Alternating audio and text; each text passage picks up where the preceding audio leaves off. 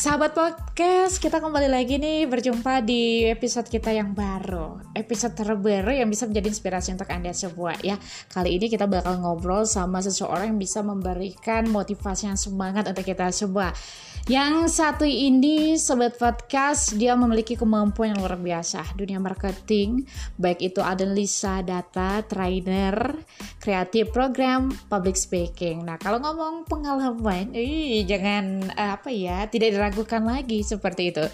Dia pernah bekerja di PT Bubay Pat Petulai atau Radio Far FM sebagai announcer dan juga manajer marketing pada Januari 2011 lalu sampai dengan Desember 2013. Sales Officer di Penin Bank KCP Lubuk Linggau bulan Desember 2014 sampai dengan Agustus 2016. Consumer Banking Relationship Officer di Bank Danaman Cabang Palembang Sudirman bulan Agustus 2016 sampai dengan Februari 2017. Account Officer di Asuransi Astra Buena atau Garda Auto pada Februari 2017 sampai dengan Mei 2017. Sales Agent Section Hard di SMS Finance bulan Mei 2019 sampai dengan sekarang. Saat ini dia sebagai uh, Sales Agent Section Hard di PT Sinar Mitra Sepadan atau SMS Finance. SMS Finance ini juga merupakan perusahaan pembiayaan kendaraan bermotor roda 4 yang telah berdiri pada tahun 2000 sales agent Session Heart yang merupakan koordinator marketing support untuk tim list back new customer. Nah, kalau kita ngomong uh, pengalaman yang luar biasa yang sudah saya sampaikan tadi, dia juga memiliki pengalaman di dunia organisasi. UKM Forum Kajian Ekonomi Syariah atau FOKAS sebagai sekretaris umum pada tahun 2011 lalu.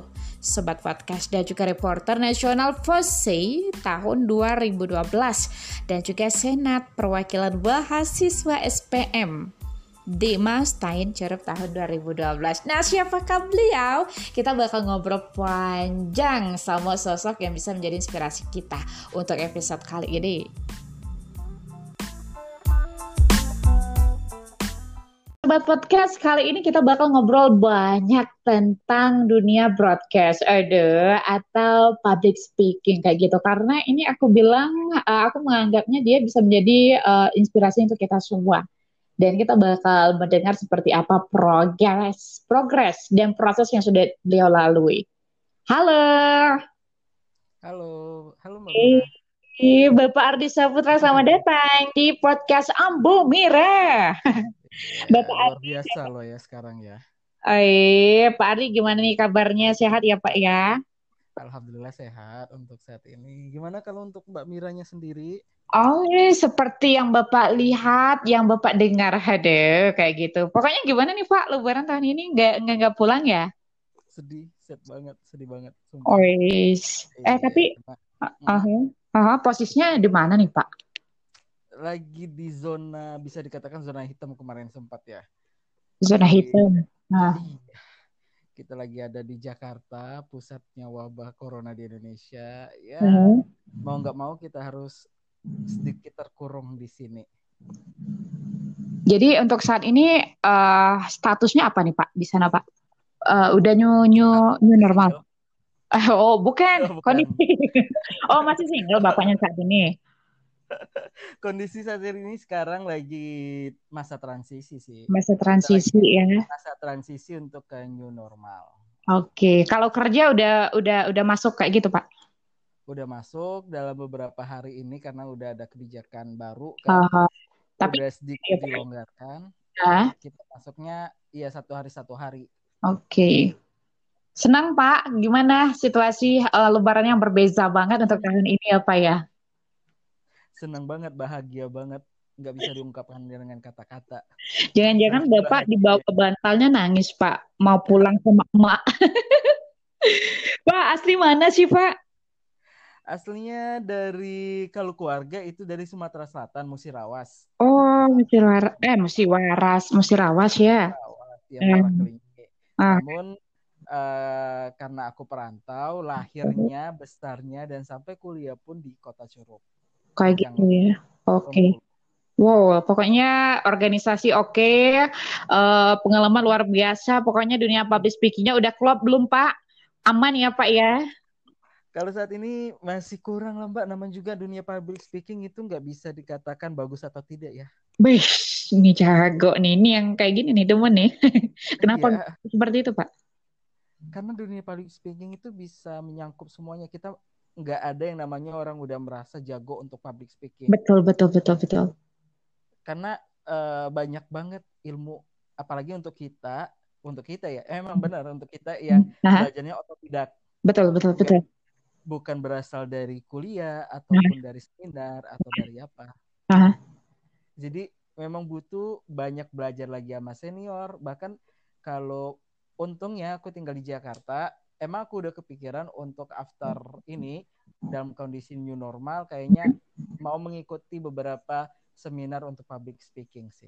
Bis, kalau melihat dari latar pengalamannya ini mendongkrak banget, mendompleng banget, menuntut banget untuk public speaking ya Pak ya. Uh, kalau aku bilang sih udah oke okay banget nih. Pak, hobi jalan-jalan nih ceritanya nih. Kalau dibilang hobi jalan-jalan enggak, mumpung ada yang gratisan jadi bisa. Oh, waduh, endorse dong. bukan youtuber ya bukan youtuber. Bukan endorse dari ini tapi dari perusahaan yang oh perusahaan. Oh nih nih nih yang yang dapat ini ya. Muter-muter keliling kota terus bentar lagi keluar luar negeri juga nih pak. Amin amin amin. Keluar luar negeri lagi belajar juga untuk Inggrisnya biar lebih lebih bagus. Oh, pokoknya jago banget nih, Pak. Ya kan kerja dari mana-mana, udah keliling beberapa kota juga kayak gitu. Hmm. Uh, dan menurut saya Bapak ini adalah pekerja keras banget karena saya mengenal banget dari proses titik awalnya bahkan sampai uh, perubahan luar biasa kayak gini aku tahu banget dan itu tentunya tidak bukan lagi dari usaha besar yang Bapak lakukan? Apa sih uh, tipsnya atau slogan uh, biar lebih semangat untuk bekerjanya seperti itu Pak sehingga bisa mengalami proses yang luar biasa karena dari aku kemarinnya kita ketemu tahun-tahun lalu ya Iya. Nah, aku melihat, uh, iya udah, wow, gila nih keren banget. Kemarin aku, aduh, sempat diusir pula. sempat diusir kak kala itu kan di salah satu, uh, pokoknya program broadcast ya. Oh iya, uh, baru ingat aja itu Mbak. Sumpah itu pengalaman yang bikin kita cambuk untuk ke depannya. Aku pikir Bapak nggak bakal itu. Itu bukan aku, ya. Kenapa? Disuruh matiin backsound, disuruh backsound, naikin lagu. Naikin. Nah, lagu. Pulang, belajar lagi. Oh, aja diusir. itu pengalaman luar biasa. Kalau aku jadi bapak, kala itu aku kapok dan malu. Aku nggak bakal nongol-nongol. Ini ya sobat podcast ini malah nongol lagi. Aduh, orang-orang di sini, eh di sini, karena itu mungkin udah bosan banget ngeliat. Karena versinya bapak ini zaman sekarang kan udah dewasa, udah stabil kayak gitu. Karena kan bapak kan ala-ala K-pop. Anak ala itu siapa yang gak kenal bapak Ardi Saputra? K-pop banget. Dulu favoritnya siapa, Pak? Dulu papor eh, malahan kan hobinya dangdut, Mbak. Atau enggak sinkron? Oh, sekarang sekarang gimana nih? Sekarang koplo. Waduh, koplo, nggak jauh beda ya. Tapi tapi tapi alangnya Bapak itu luar biasa. Kami nggak nyangka, aku pun nggak nyangka kok perubahan luar biasa. Mungkin orang pun juga mengenal saya juga nggak nyangka perubahannya kayak gitu. Kenapa sih kok bisa seperti itu? Apa ada hubungan dengan slogan? Ada, enggak, aku punya prinsip dalam apa pun itu, dalam bekerja itu santuy tapi Uy, serius. Betul. Santuy tapi serius. Kita, ya, kita harus menikmati Benar. apa pun itu kita harus menikmati. Jadi ketika memang ada beberapa mungkin aku masuk ke dalam perusahaan baru atau organisasi baru, mungkin orang tidak akan kayak underestimate lah terhadap aku. Mungkin apa nilai apa sih anak ini alay banget ah, bisa kerja. Ah, betul, aku aku dulu menilainya seperti itu. Ih, enggak banget deh, alainya minta ampun. Benar-benar Bapak. Bisa menghandle klien kalau sekarang ya. Oh, bisa oh benar-benar. Bisa berbicara dengan uh, dengan vendor apa segala oh, macam. Iya. Dulu, dulu ngomongnya gitu. Enggak, dulu Bapak kan ingat dulu dulu ya sudah podcast dia ini terkenal sama Cita Laura yang ngomongnya Allah. gitu Halo guys. Oh, pokoknya kalian semua. pokoknya iya, uh, uh. Nah. itu kan udah masa lalu ya Chris. kan udah belajar aha, aha. udah belajar sama Mbak Mira sama Mbak Anita sumpah yang aku paling ingat dari dulu uh. aku bukan peres atau uh, memuji kalian ketika memang uh, tidak banyak yang mengandalkan aku ataupun yang tidak banyak yang ngeh terhadap aku. Dikucilkan cuman, gitu, dikecil, dikerdilkan kali itu. uh, bisa dibilang gitu, tapi kalian berdua itu kayak jadi uh, ada kata-kata ketika sebelum kelas marketing itu kalian menyemangati itu yang bikin aku semangat lagi. Beh, beh, berarti ada ada balas budi dong. Waduh, aku jahat banget ngomong kayak gitu. eh bukan kalian kalian kasih semangat dek kal, uh, kamu pasti bisa untuk ini dan aku belajar nah. ke warnet uh, streaming radio uh. ya dengerin streaming di Bandung.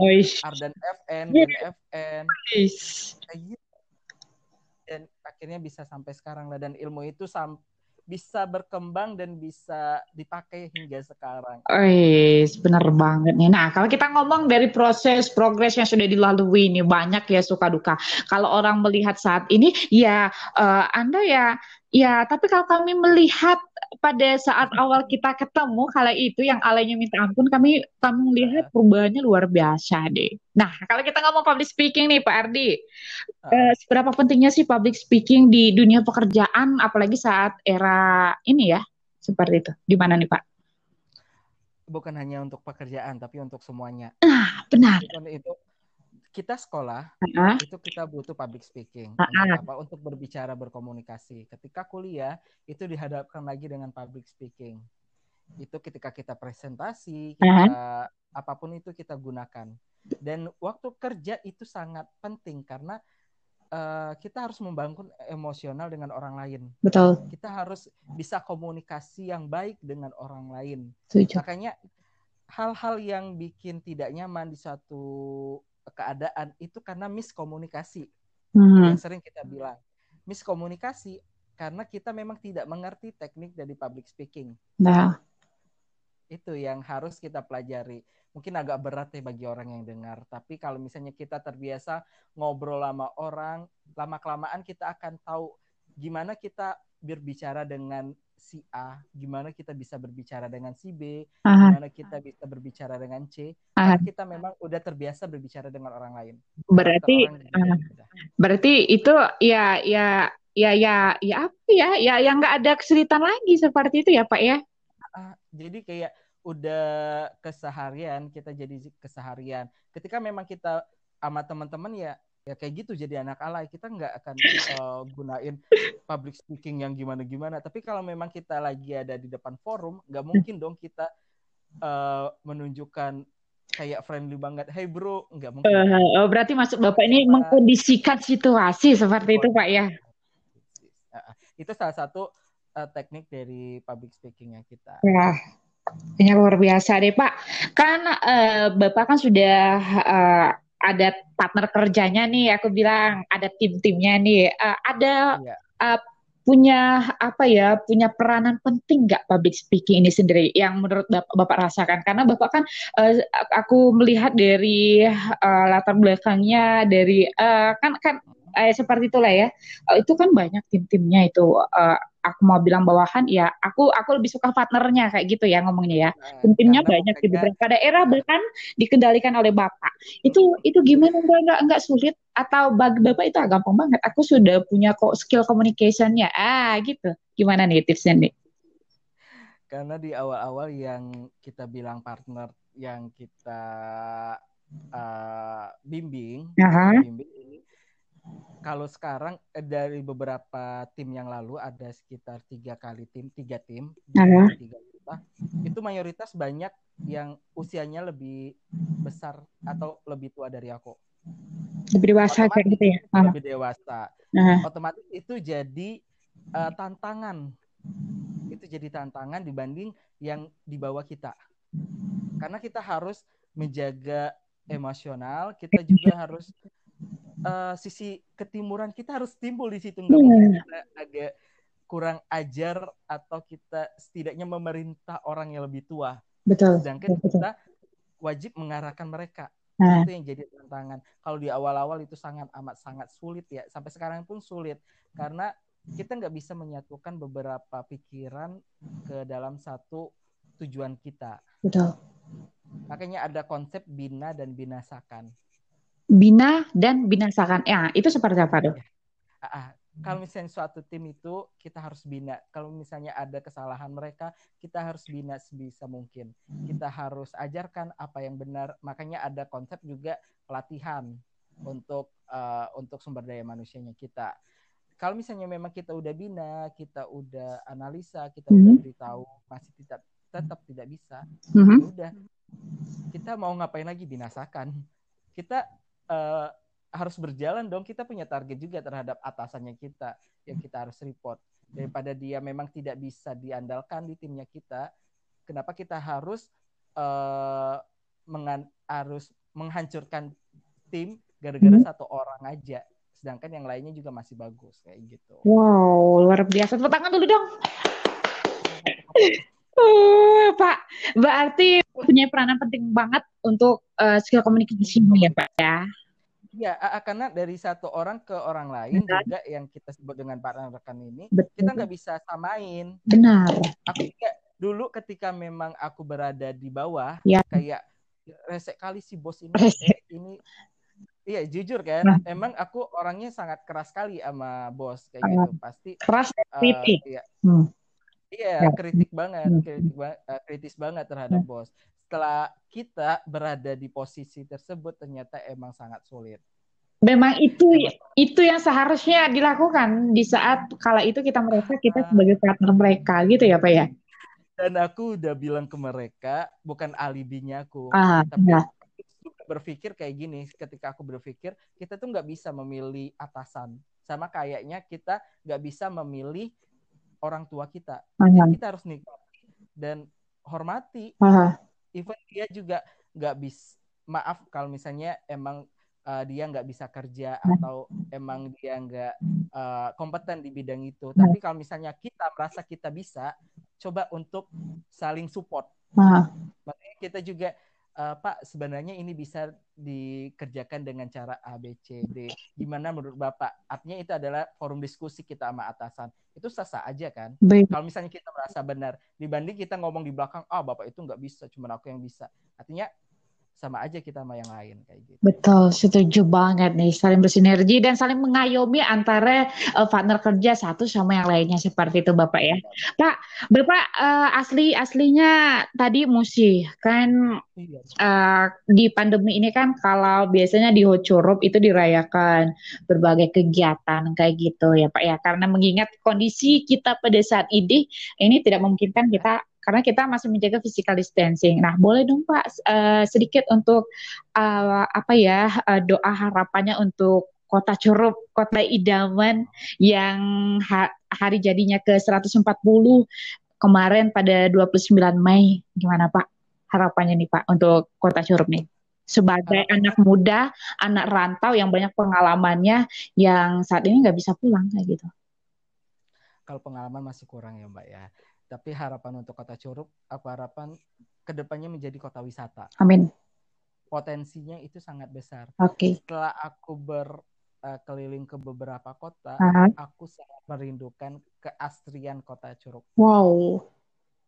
Feeling aku kalau misalnya di sana banyak uh, pariwisata kita dibangun, mm-hmm. namun juga penginapan mm-hmm. ataupun hotel mm-hmm. kayak villa lah ya banyak kita banyak homestay juga di sini pak banyak udah banyak homestay oh iya ya, udah udah di, explore lagi oh ini sudah progres harapannya lebih meningkat lagi seperti itu Oh boleh, uh, nanti ajak-ajak aku juga. Ah, siap, betul. Uh, karena kemarin sempat uh, ya ya gitulah ya. Pokoknya ada beberapa yang, yang saya, saya tahu sedikit seperti itu. Pak, tolong dong pakai bahasa daerahnya Pak. Saya mau anak muda daerah kita lupa ya. dengan bahasa aslinya. Karena kalau kita siapa bahasa lagi? atau bahasa apa? Bahasa Iya kan, membanggakan bahasa daerah kita. Boleh dong Pak ucapannya Pak. Pokoknya Bapak nyapa, Bapak mau ngomong apa pun pakai bahasa asli suku Bapak deh. Suku aku suku. Iya, boleh.